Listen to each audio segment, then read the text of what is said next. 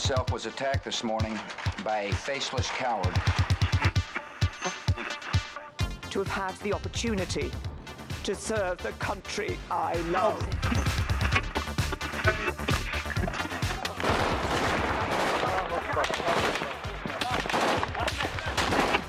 Den Einsatz für Frieden und Freiheit in Deutschland, in Europa und in der Welt.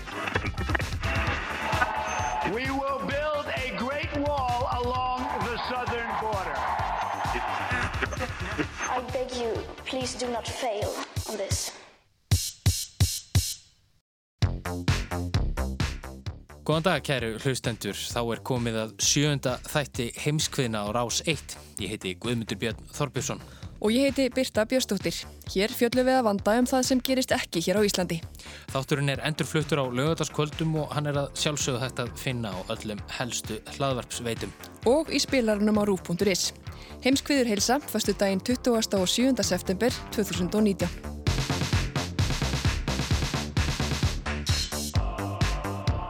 Frétt vikunar er vafalust svo að embættisverk Donald Trump bataríkjafásetta verða nú rannsökuð ofan í kjölinn. Bói Ágússon ræðir við Silju Báru Ómarsdóttur um þessa nýtilkomnu rannsókn. Og svo heyrum við heimskviður frá Afríku, nánar tiltekið frá Sútan. Fósettanum þar í landi var steift af stóli fyrra á þessu ári eftir margra mánaða mótmæli í landinu. Fósetti þessi er einmitt eftirlýstur af alþjóða glæpadómstólum í Hag fyrir aðildað þjóðarmorði. Óluf Ragnarstóttir segir okkur frá. En við ætlum að byrja í New York. Aðalfundur allseraþings saminuðu þjóðana hófst þar í vikunni. Í aðdraganda hans var ekki síðri fundur haldinn, sá er sneri að loftslagsmálum. For more than 30 years, the science has been crystal clear. How dare you continue to look away? Pressan eikst nú á ríki heims ætli þau að uppfylla skilirði Parísasamkomulagsins. Gjör það svo vel, Guðmundur Björn.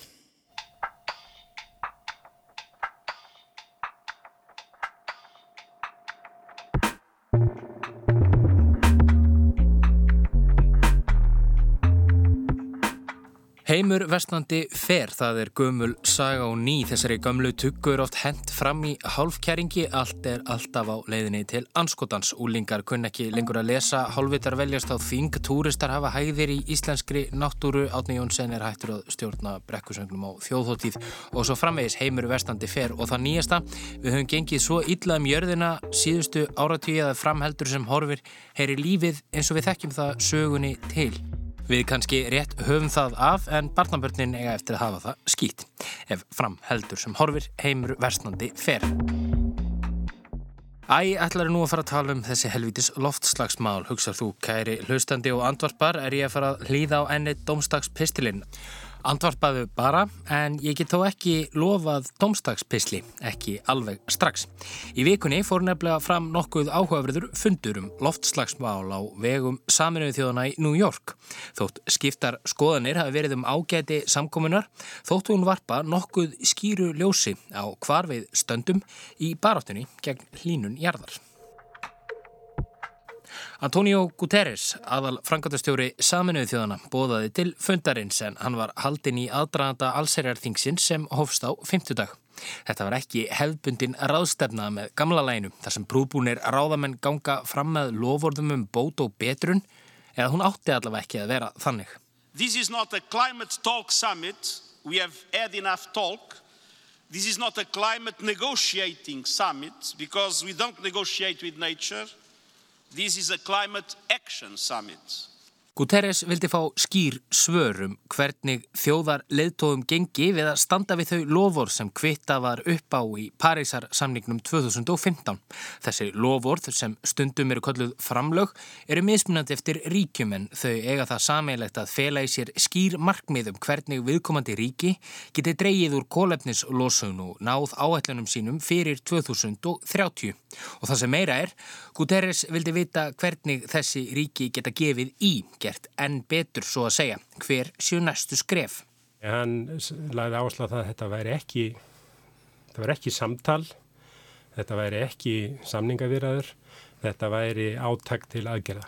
Segir Haldur Þorgersson, formaður loftslagsráðs og fyrirverandi fórstöðumæður skrifstofu loftslagssamnings saminuðu þjóðana. Þessi framlög eru sem fyrr segir ólík eftir löndum og taka mið af stöðu hvers og eins lands. Markmið Parísarsamningsins frá 2015 er að hæja á og stöða hlínunjarðar, samningur sem er knúin áfram af því langtíma markmiði. Og það markmið er byggt á framlögum ríkja sem eru endur nýjuð á fimm ára fresti. Þetta er rammi utanum lausnina. Þetta er ekki lausnin sjálf uh, og lausnin sjálf uh, á þessum vanda uh, er náttúrulega heima fyrir. Þetta verður ekki leist með alþjóðsanningi en alþjóðsanningur er nöysinlegur. Þannig að Parísasamkomulega er nöysinleg fórsenda en ekki fullnægindi fórsenda. Á fundinum í vikunni kynntu því ríkin næstu skref hvernig skuli gefa í, hvernig skuli halda áfram. Einnig voru þar fulltrúar stórfyrirtækja úr engageranum, fjármálageranum og matvælaðinaðnum. Hér þurfa allir að leggjast á eitt en það er stemt að því að árið 2050 náist svo kallað nattrænt kólefnis hlutleysi. 2050 þá verði hérna, jafnvægi nattrænt á milli heimslosunar og bindingar og binding er þegar þú fjarlægir uh, uh, koldioxid sem þegar er í andurslóttinu og kemur í fyrir annarkvört í jarfi eða bergi eða eitthvað starf annar staðar. Þessi framtíðar sín þýðir með öðrum orðum að árið 2050 verði jafnvægi millir losunar gróðurhúsaloftegunda út í andrumsloftið og bindingar kólefnis. Langur vegur er frá því að þetta náist eins og staðan er núna þar sem losunin er mun meiri en bindingin og hefur verið í langan tíma. Það er ekki, þetta er ekki svona fínstilling á kerfum, þetta er umbylting á kerfum.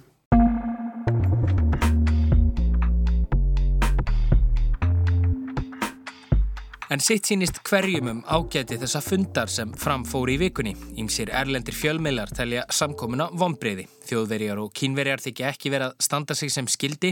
Þið sama má segja um Indland en ljóst er að kól verða áfram stór hluti orkugjafa þar í landi vel fram yfir næsta ár. Kól eru það jarðefna eldsneiti sem veldur mestum skaða. Ekki bara á loftslæginu heldur skapar það einnig vandamál í loftgæðum í nærum hverjunu.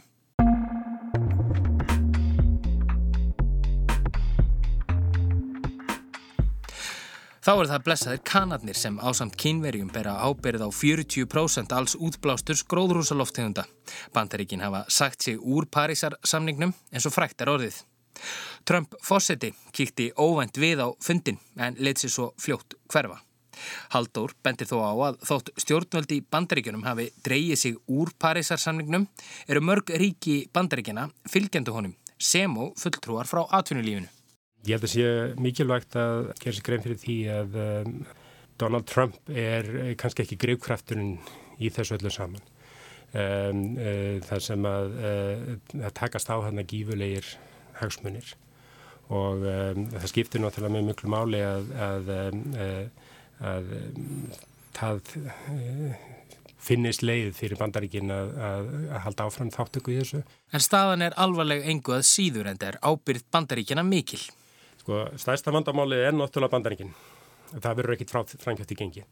Það er feikileg ábyrð sem kvílir á þessari þjóð vegna þess uh, hvað þeir eiga mikið hlut af því koldjósið sem nú þegar gróðurslóttegundur sem þegar er í andurslóttinu. Þannig að það er náttúrulega, það er enginn sem kemst hólkvisti við þá gagvart uh, kólmisábyrð. Og eins og Hallgrimur Indriðarsson kom inn á í síðasta þætti heimskviðna er Brasilia nú farið að heldast úr lestinni með komu Jair Bolsonaros á fósættastól. Aðra þjóðir sem að uh, hafa ágjör af núna er, er Brasilia uh, vegna þeirra stefnubreitingar sem þar hafa átt sér stað. Þeir höfðu náð mjög miklum árangri í að venda eða draga úr sko, eyðingu rækskóana. Það voru komin í farabráti í því og raunverulega sá árangur sem hefði náðst þar var raunverulega einna mestu, var stort framlag.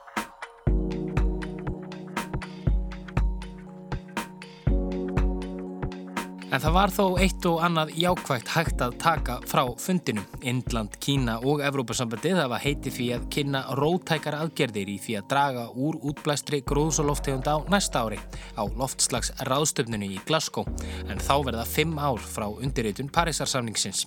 Þá greindi Imran Khan, fórsettisráðara Pakistan, frá því að 5 miljardar trjáa hafi verið gróðusettir í landinu á síðustu fimm árum og 10 miljardar til viðbótar á næstu fimm árum. Gríkir hekjast banna nótkun einnóta plasts frá með 2021 og draga úr kólanótkun. Guterres hefur einmitt kallað eftir því að þjóðir heims hætti kólaframlegslu og lístu fjölmörg ríki yfir vilja til þess að draga alveg úr framlegslu og nótkun á þessum skadalega orkugjafa. Þá ætla æg fleiri ríki að leggja ríkari áherslu á svo kallar náttúrulausnir eða nature-based solutions sem byggist raunverulega á því að, að vinna með náttúrulegum og uh, ferlum til þess að fanga uh, koldíðasíð úr andurslotturnu og koma því aftur fyrir með bindingu. Við þekkjum slíkar lausnir vel hér á landi í formi landgreðslu, skóraktar og endurheimt votlendis. Fyrir mörg önnuríki er þessi aðferð óplæður akkur. Að með til dæmis uh, endurheimt skólendis að þá er þetta að draga úr hættum samfara aftakaveðrum sem dæmis er tekið. Um, vestu uh, hörmungarnar í sambandi við um, aftaka veður hafa yfirleitt verið á þeim svæðum þar sem skóareyðing hefur verið mikil. Að sögn Haldórs er þessi áhersla ríkjana og náttúrulösnir stórt skref fram á við. Nái ríkin að tilenga sér þær. Uh, það sem að gera til dæmis jarveg frjósamann er kólefni. Mm -hmm. Munurinn á sandi og mold er kólefni og uh, þess vegna er svo mikilvægt að, að landbúnaðar framleysla hún sé þannig að hún viðhaldi kólefnisforða í erfið. Mörg uh, landbúnaðarkerfi í dag eru þess aðeins að þau eru að ganga á þennan forða og landi er, er að missa frjósemi og það er svona hlutir sem að, uh, er mjög mikil, mikla vendinga til. Tæknin sé til staðar, þetta sé bara spurningum að láta verkinn tala. En það má raunverulega segja að þessi orkubilding og umbilding og orkukerfanum sé komin það langt að það er, þetta er orðið meira bara spurningum að gera þetta hraðar á fleiri stöðum og ná meiri ánangri. Tæknin likur allstað fyrir og eitt af því sem að, ég held að sé mikilvægt að undirstryka þegar maður spyr sko er þetta hægt að þá eru mjög aðgengilegar eh, lausnir á borðinu fyrir 70% af heimslósunum þetta er bara spurningum að, að, að, að beita þessum lausnum.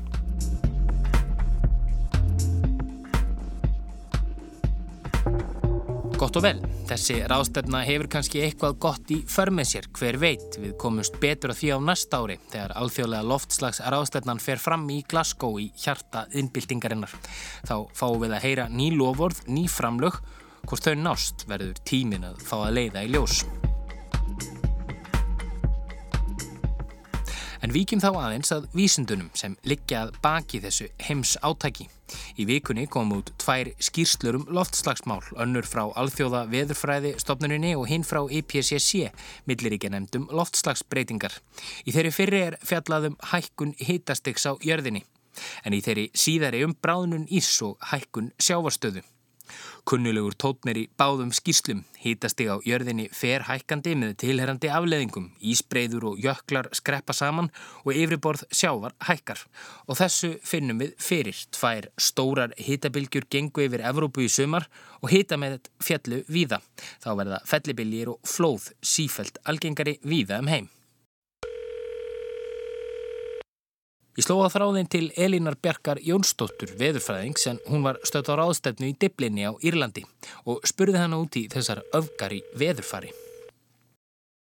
Um, fyrir kannski 20-30 árum þá voru einstakar svona ítaratbyrðir sem að hérna, við vorum að ímynda okkur gætu verið sko afleggingar nattrætna breytinga en núna undanfari nár þá hafa verið alveg ítrekkaðar hitabilgur, til dæmis ítrekku flóð mjög aktífir uh, hittafelti stormar og fellibilir og, og þetta er raun og veru það sem að hérna, svo sem vísindin voru búin að segja okkur en nú erum við svolítið að finna það á einn skinni sko. Og þetta er það sem vísindin hafa sagt okkur, segir Elín, en við höfum kannski ekki alltaf viljað trúa því. Þá jæmt við um hinn almenna borgara og háttsetta pólitíkusa. Munurinn á almúanum og ráðamönnum er hins vegar sá að fyrir þá síðarnemdu fellur sannleikurinn ekki alltaf í kramið þar sem hann þjónar ekki alltaf hagsmunum kjósenda. Þetta sjáum við til að mynda gerast í bandaríkjunum þar sem ráðamenn hafa ofinberlega dreyið í eva loftslagsbreytingar séu af mannavöldum. Á sama tíma og stjórnendur í orguðinaðnum eru stuðningsmennu fósettans. Sama hvað öllum hagsmunatengslum líður, þá ljúa vísindin ekki, segir Elin.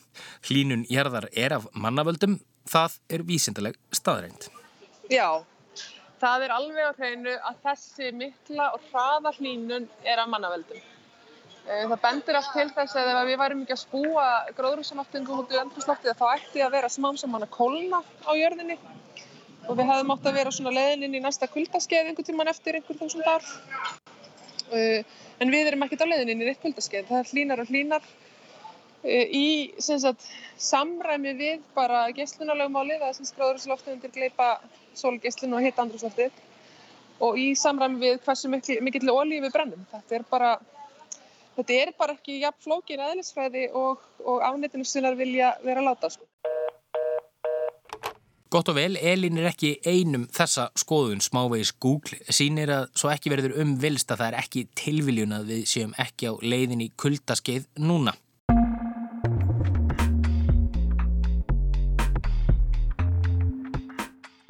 Einn helsti kindilberi vísindana í allri ofinberi umræðu um loftslagsmál er hinn 16 ára gamla Greta Thunberg. Thunberg er óþarfið að kynna hér en hún hefur barist auðvölulega fyrir því að ráðamenn taki niðurstöður vísindamanna alvarlega og grípi til nöðsynleira aðgerða. Thunberg tók til máls á ráðstefnun í vikunni og óhættir að segja að erindi hennar hafi vakið aðtikli. For more than 30 years the science has been crystal clear.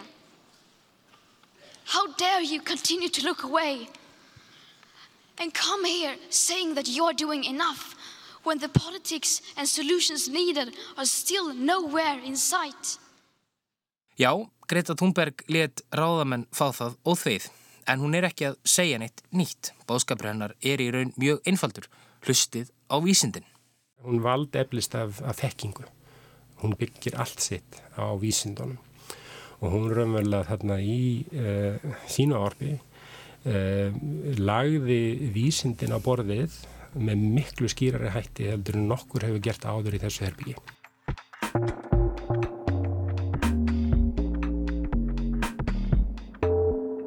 Segir Haldur Þorgesson. En ef þetta væri bara svona einfalt ef pólitíkin og atkvæði kjósenda skipti ekki máli, væri okkur þá öllum borgið og jörðinni sömuleiðis hver veit.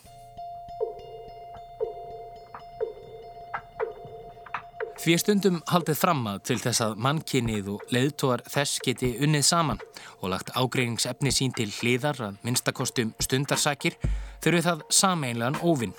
Gemverur eru stundum nefndar í þessu samhengi.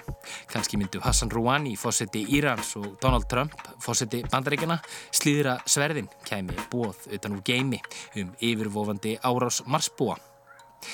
Er loftslagsváin, hamfara hlínuninn eða hvað þið viljið kalla þetta fyrirbæri sem ógnar nú framtíð jarðarinnar, kannski gemururnar sem við þurfum?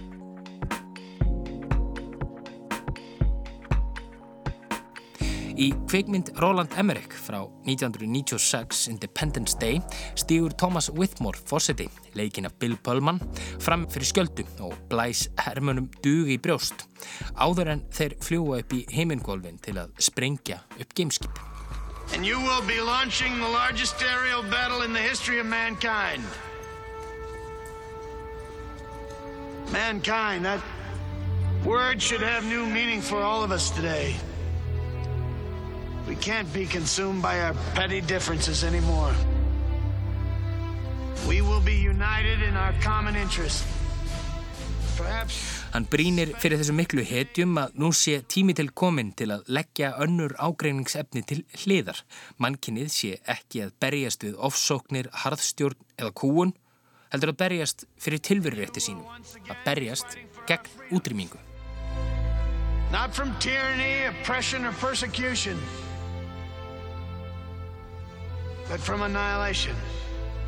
Þeir afsakið þessa langsóttu samleggingu. En hún ákanski ágætlega við þótt núverandi fósiti bandaríkjana tali ekki eins og Bill Pullman í Independence Day og tali ekki til heimsbeðarinnar allrar heldur til kjósenda sinna. Vísindin virðast segja okkur að þessi baráta sé af þeim toga að töpu við henni. Muni lífið eins og við þekkjum það líða undir lok.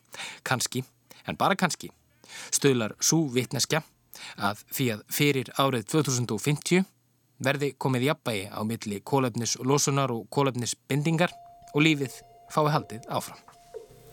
Vissulega og, og það, það er það sem mun samin okkur og, eh, og er þegar farið að samina okkur. Eh, um, þetta er í grunninn gott vandamál vegna þess að þetta kennir okkur uh, hvað uh, hagsmunur okkar eru nátengtir uh, og það að, að við getum ekki náð árangur í að bæta lífa þessar jörð þeir nema að allir vinni saman.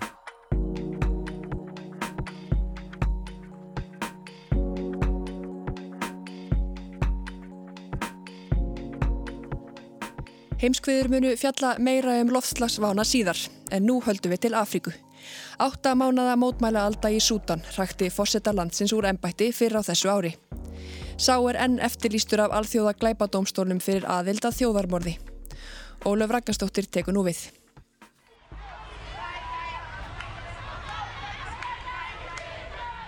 Mótmælinn hófust 19. desember á síðasta ári.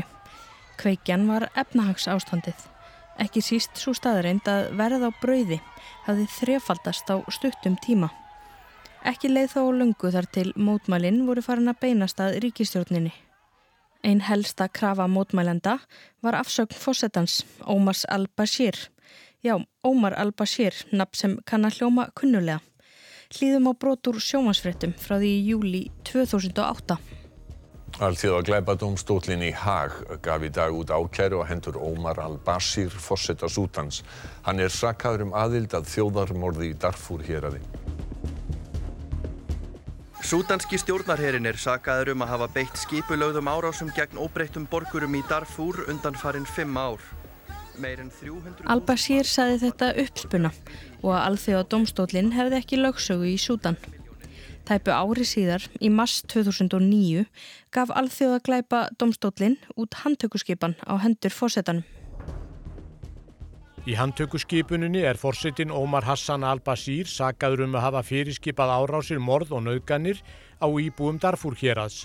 Herin hafi hrakið fólk frá heimkinnum sínum og gert eigur þessu upptækar.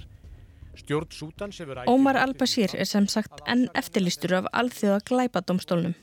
Á VF domstólsins segir að tvær handtökuskipanir hefði verið gefnar út á hendurónum og hann gangi enn laus. Þá kemur fram að næstu skref í málinu séu að handtaka Al-Bashir og færa í domsal í hag. Alþjóða glæpadómstólinn er alþjóðlestofnun sem hefur lögsögum til þess að sækja mál gegn fólki sem er grunað um alþjóða glæpi. Þjóðarmorð, glæpi gegn mannkinninu og stríðsklæpi.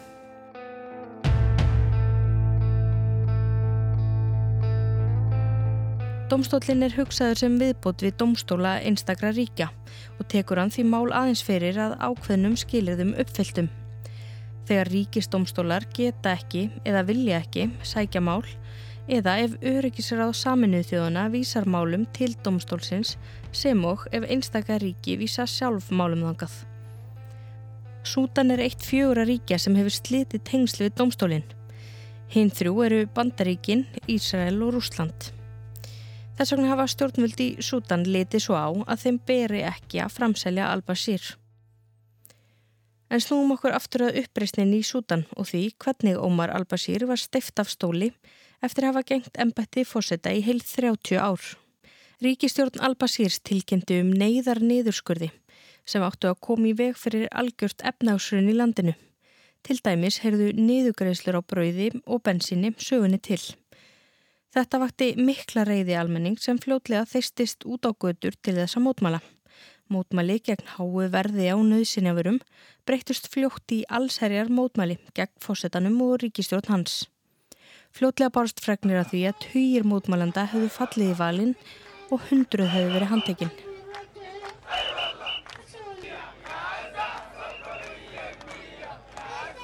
Mótmalin fóru sem alda yfir landið í marga mánuði.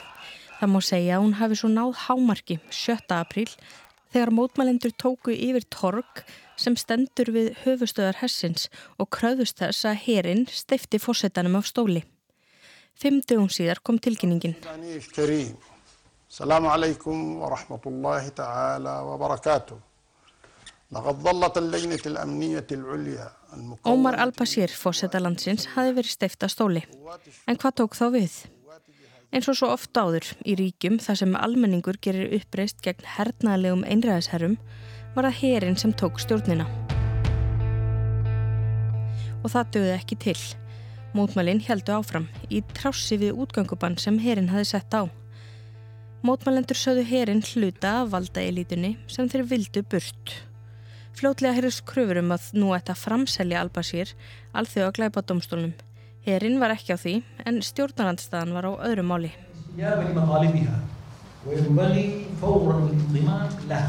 Sadiq Al-Mati, fyrirverandi forsætisráþara og leiðtögi stjórnarandstöðu flokks, saði enga ástöðu til þess að breyðast ekki við kröfum domstólsins. Sútan ætti tafarlaust að verða aftur aðili að alþjóða glæpa domstólnum.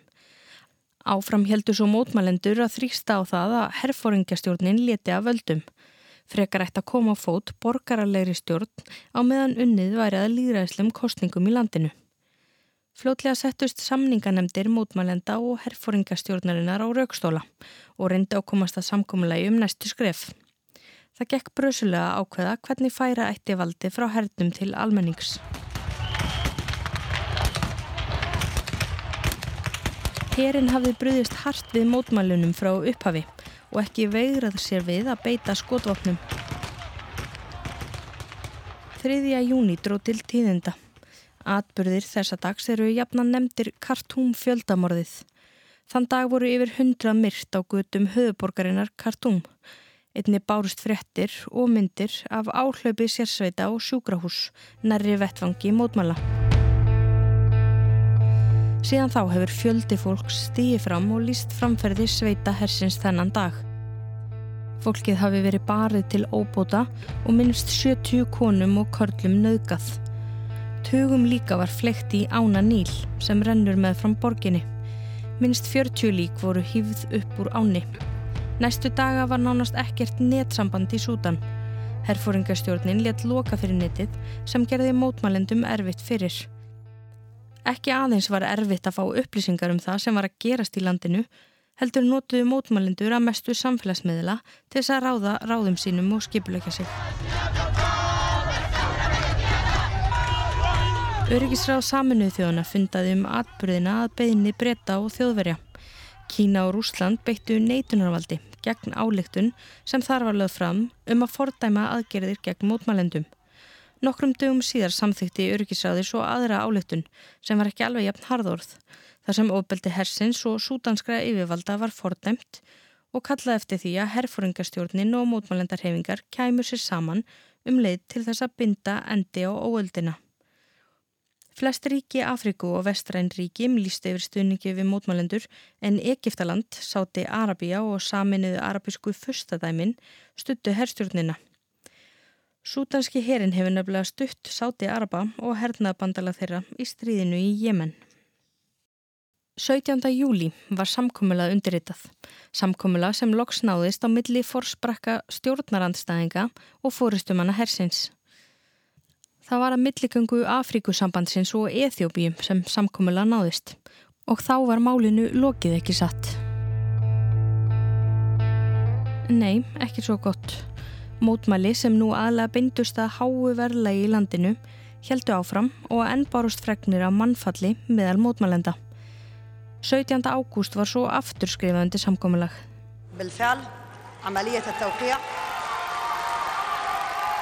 Í vináttuhöllinni við bakka Nílar reytiðu herfóringjastjórnin og leiðtóar mótmælenda undir samkominlag sem var sagt sögulegt. Í samningnum fælst meðal annars að komið verða á fót ráði sem fari með völd í landinu fram að kostningum sem eiga að fara fram síðla ást 2022. Það þykir sigur fyrir líðræði sinna að svo langur tími sé gefinn fram að kostningum.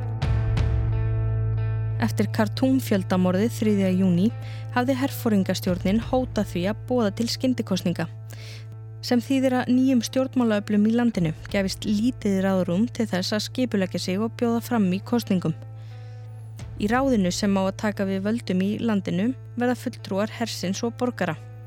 Fulltrú hersins fer með völdin í ráðinu fyrir hluta tímabilsins og rúmlega það og fulltrúi almennra borgara síðar í hlutan. Samkomiðlæginu var ákaft fagnað á gödum kartúm.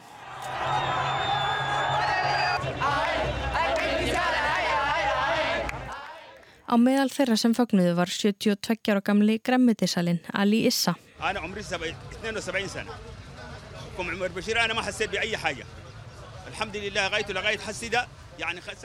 sagði að það væri fyrst þennan dag sem honum liði eins og hann gæti dreyið andan. Hann hefði aldrei fundið fyrir stöðuleika og valdatíð al-Bashir. Já, hvað var það eiginlega um Ómar al-Bashir? Þegar hér er komið sögu eru rúmir fjórir mánuðir frá því að hann rökklaðist úr embætti fósetta.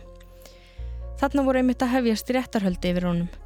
Hann hefur verið ákjærður fyrir ímis spillingamál. Við leiti í fósettahöllinni fannst til að mynda ógrinni reyðufjár, samtalsjafverði tæplega 16 miljardar íslenskar króna. Það er ímislegt sem honum er gefið að sög. Hann á að hafa þegi gjafir ólöglega, stundað peningaþætti, fjármagnað hriðverkastarsemi og fyrirskipa morða á mótmælendum. Og fyrir það gæti hann átt yfir höfði sér dauðarefsingu. Ekki á það bætandi fyrir mann sem er enn eftirlistur fyrir strískleipi og gleipi gegn mannkinni.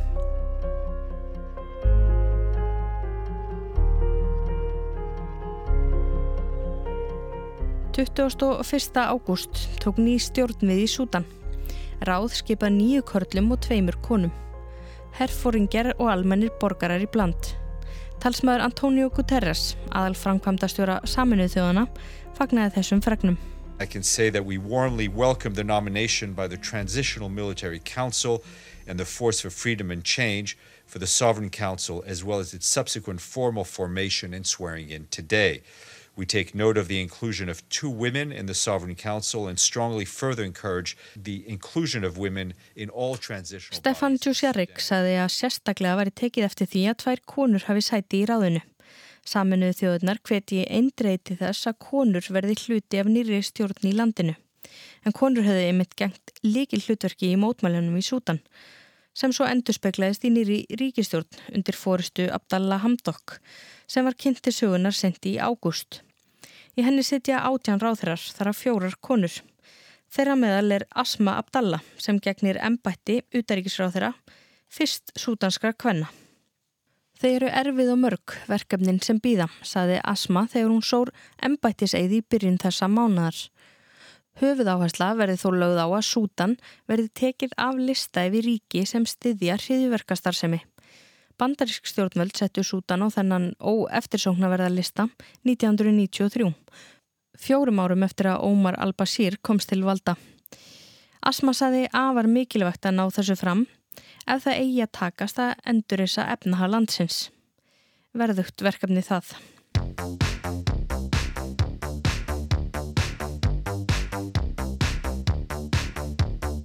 Hvort nýri stjórn í Sútan tekst að rétta kútin í efnagasmálum, færa landið í átta líðræði og koma á sæmilegum stöðuleika. Það verður tímin að leiða í ljós. Það sama má segja um afdrif fórsetans fyrirverandi, hvort hann verði sakveldur í Sútan eða alþjóða glæpa domstólnum takist loks að hafa hendur í hára hans.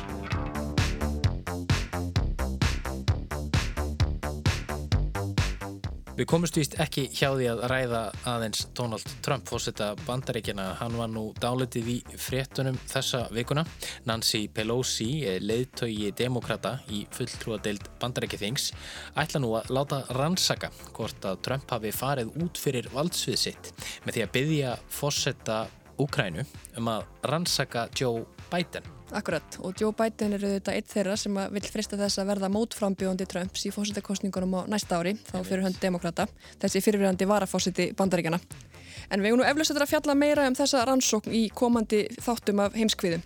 En í gær fór fram aðalfundur félags stjórnmálafræðinga og þar helt Silja Bára Ómarsdóttir, dósend í stjórnmálafræði við Háskóli Íslands fyrirlestur sem bar yfirskriftina Nixli dagsins, bandarísk stjórnmál og valdatíð Trumps.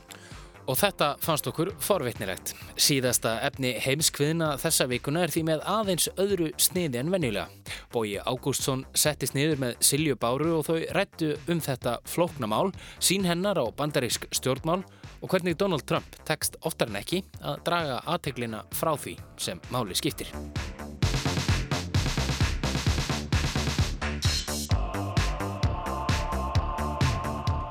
Hvað er já, nexli dagsins núna, nexli vikunar er, er, er nokkuð augljóst. Já, nexli vikunar er auðvitað uh, þetta samtal Trumps við uh, fórsetta Úkrænu, Selenski, og það sem hann reynir að þrýsta á hann um að, að uh, hafa áhrif á, á koma á staðrannsókn á, á hendur fyrirtæki sem tengist Joe Biden eða sinni hans og er þá að hafa áhrif eða þess að reyna að fá erlendan aðila til þess að hafa áhrif á útkomu kostninga í bandaríkjunum. Um, Ég, og þetta var rauninni kornið sem fyllir mælinn hjá Nancy Pelosi sem hefur barist gegn því að eh, það er farið í svona formlega rannsókn sem gæti leitt til þess að Trump er dæmdur frá ennbætti.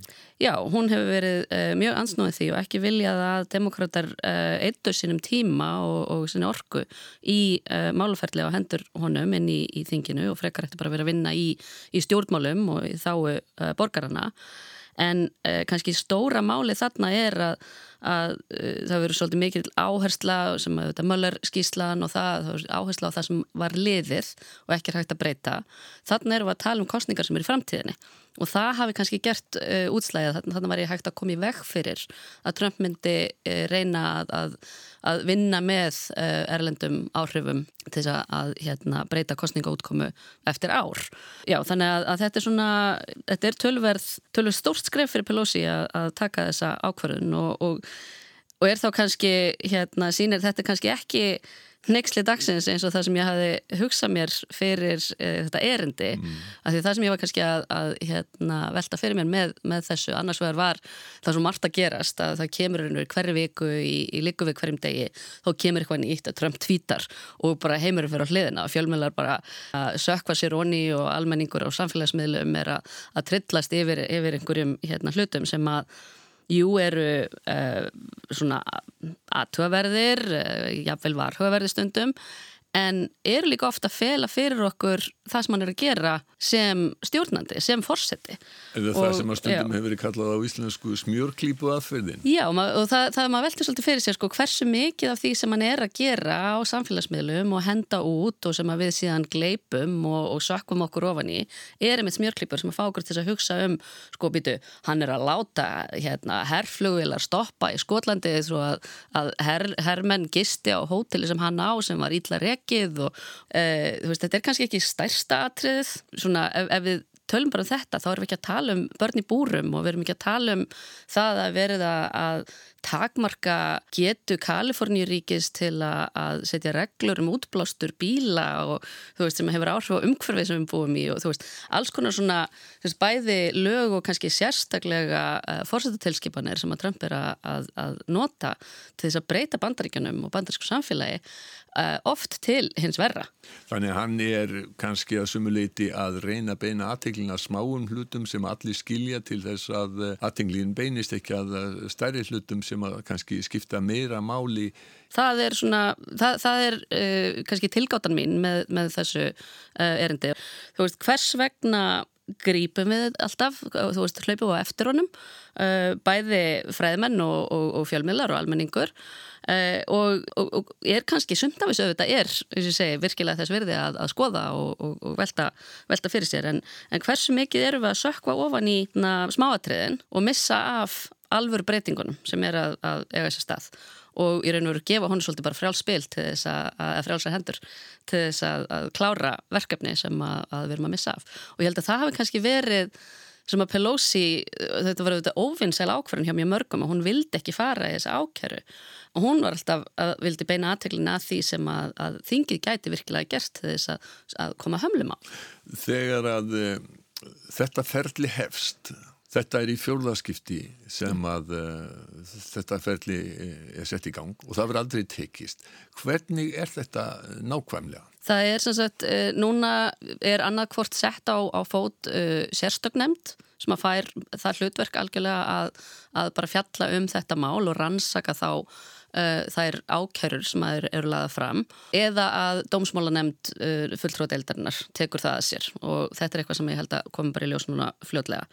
Uh, það, hver svo sem nefndin síðan er og hún þarf að rannsaka, hún kallar eftir gögnum og, og uh, hérna reynir að fær fólki yfirheyslur og, og þetta er mikið sjónaspiluð þetta, þetta er sendt út beint á, á síspann og, og hérna og uh, gæti ég að vil tekið yfir sko kapalsjómarpið í, í mm. bandarækjunum CNN og MSNBC og Fox og það allt saman og Trump auðvitað hefur hann hefur talað svolítið stórkallarlega alltaf þegar þetta hefur komið til umræðu þetta verður bara viðsalsa sjómansefnið og ég var bara eftir að græða á þessu og hérna verið svolítið ánaði með sig þannig að það er áhugavert að hann, er, hann verðist aðeins áhyggjufildri núna heldur hann hefur verið áður þegar þetta kemur uh, til umræðu. En hann hefur samt sem áður sagt að þetta sé bara hluti af sömu nornaviðum sem að demokrater hafi stundað alveg frá því að hann var kjörin.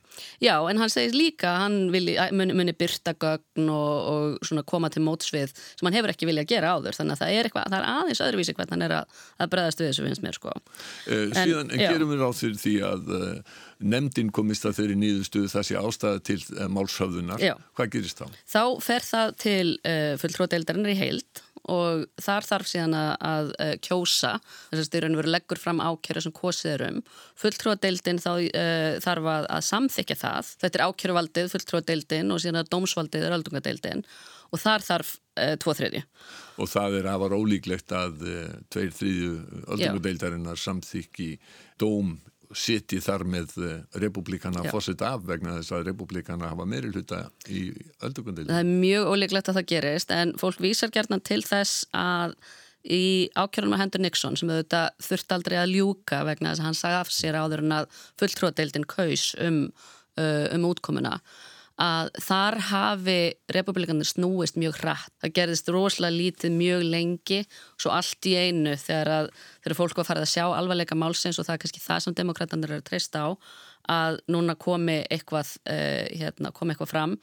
Eða þá að þeir telja þetta nógu alvarlegt til þetta bara verði að koma fram í dagsljósið.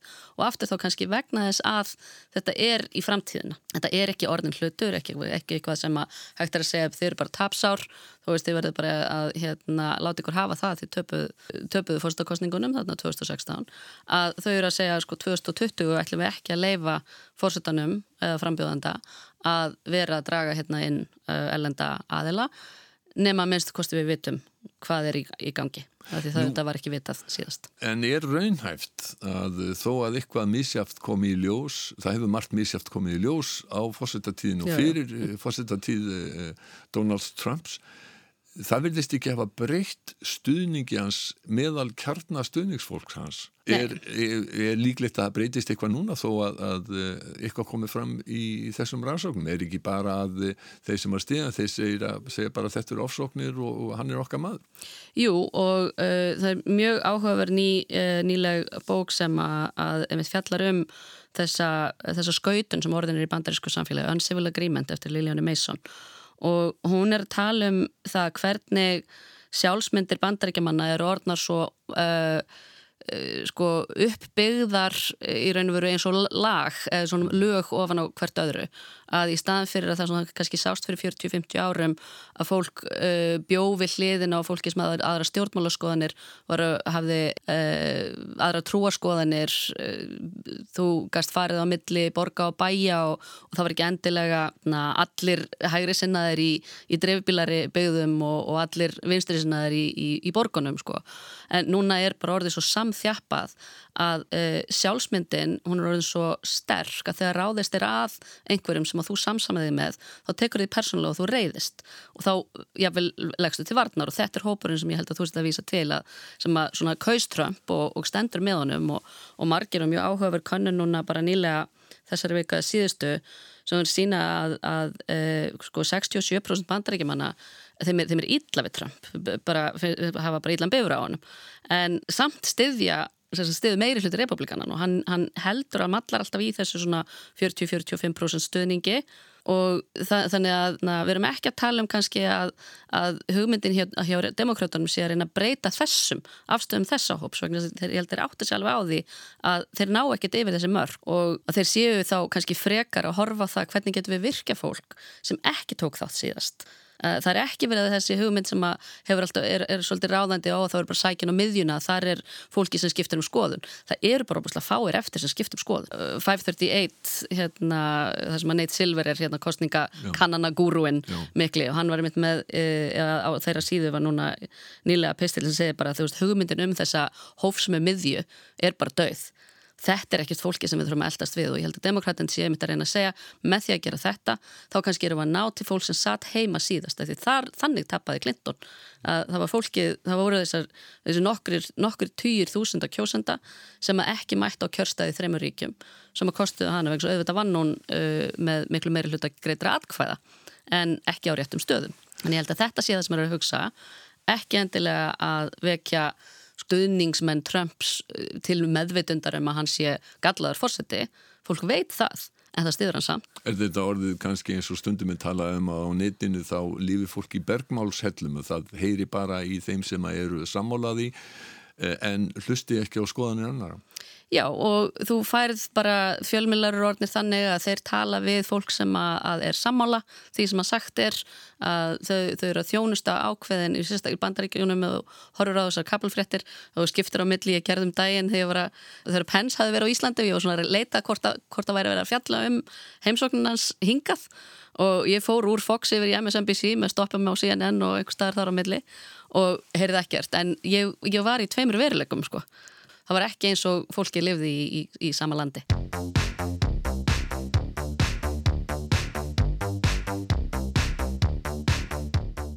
Og þetta er síðan það sem að er bara að byrtast sko landfræðilega og pólitíst í bandaríkjunum að fólk er að flytja jafnvel á milli staða vegna þess að það vil ekki búa í, í, í bæjarfélagi þar sem að eru hérna, vill ekki leggja lagsitt við fólk sem að, að deilir ekki skoðanu þess. Er þá alveg fyrir spí svo tíð að þingmenn uh, úr republikanaflokknum og demokrataflokknum gætu unnið saman að einhverjum málum og lagt fram samíli frumvörp eða stutt frumvörp uh, og gert einhverja slíka breytingar þar sem að þeir kalla fyrir vestan bipartisansi. Já, þetta er orðið bara mjög sjálfgæft og, hérna, og mjög áhugavert að skoða tölur til dæmis bara um hvernig hvernig kostningar í, í þinginu hafa breyst á síðustu áratögum það sem maður sá sko, núna er það orðið svona staðlaða að við sjáum republikana í rauðum lit og demokratan í bláu. Og þá sáum við þegar það var lagt yfir að sko eiginlega svona fjólubláin lit í miðjunni þar sem að fólk kaus oft með frumvörpum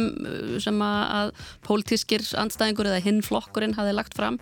Og núna sjáum við bara tvö, tvo rauða eða að eitt rauðan og eitt bláan bolta. Það eru svo langt á milli og það er svona einn og einn. Og John McCain heitin var allt þekktu fyrir það að, að vilja stiðja mál hvaðan sem að þau kæmu.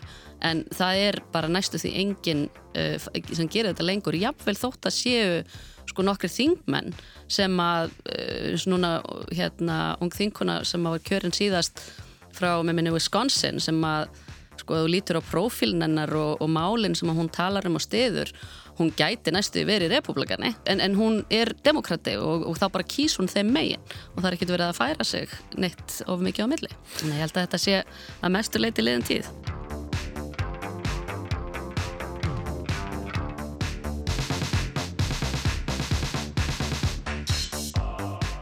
Með þessu ljúkum við heimskviðum að þessu sinni. Alla písla þáttarins er hægt að lesa á síðu þáttarins inni á rúf.is. Það er sömulegis hægt að hlusta á alla þættina sem eru sömulegis aðgengilegir inni á öllum helstu hlaðvarpsveitum. Og svo er þátturinn líka endurfluttur á ráseitt á lögadaskvöldu. Við verum hér aftur á sama tíma að viku í liðinni. Takk fyrir að hlusta.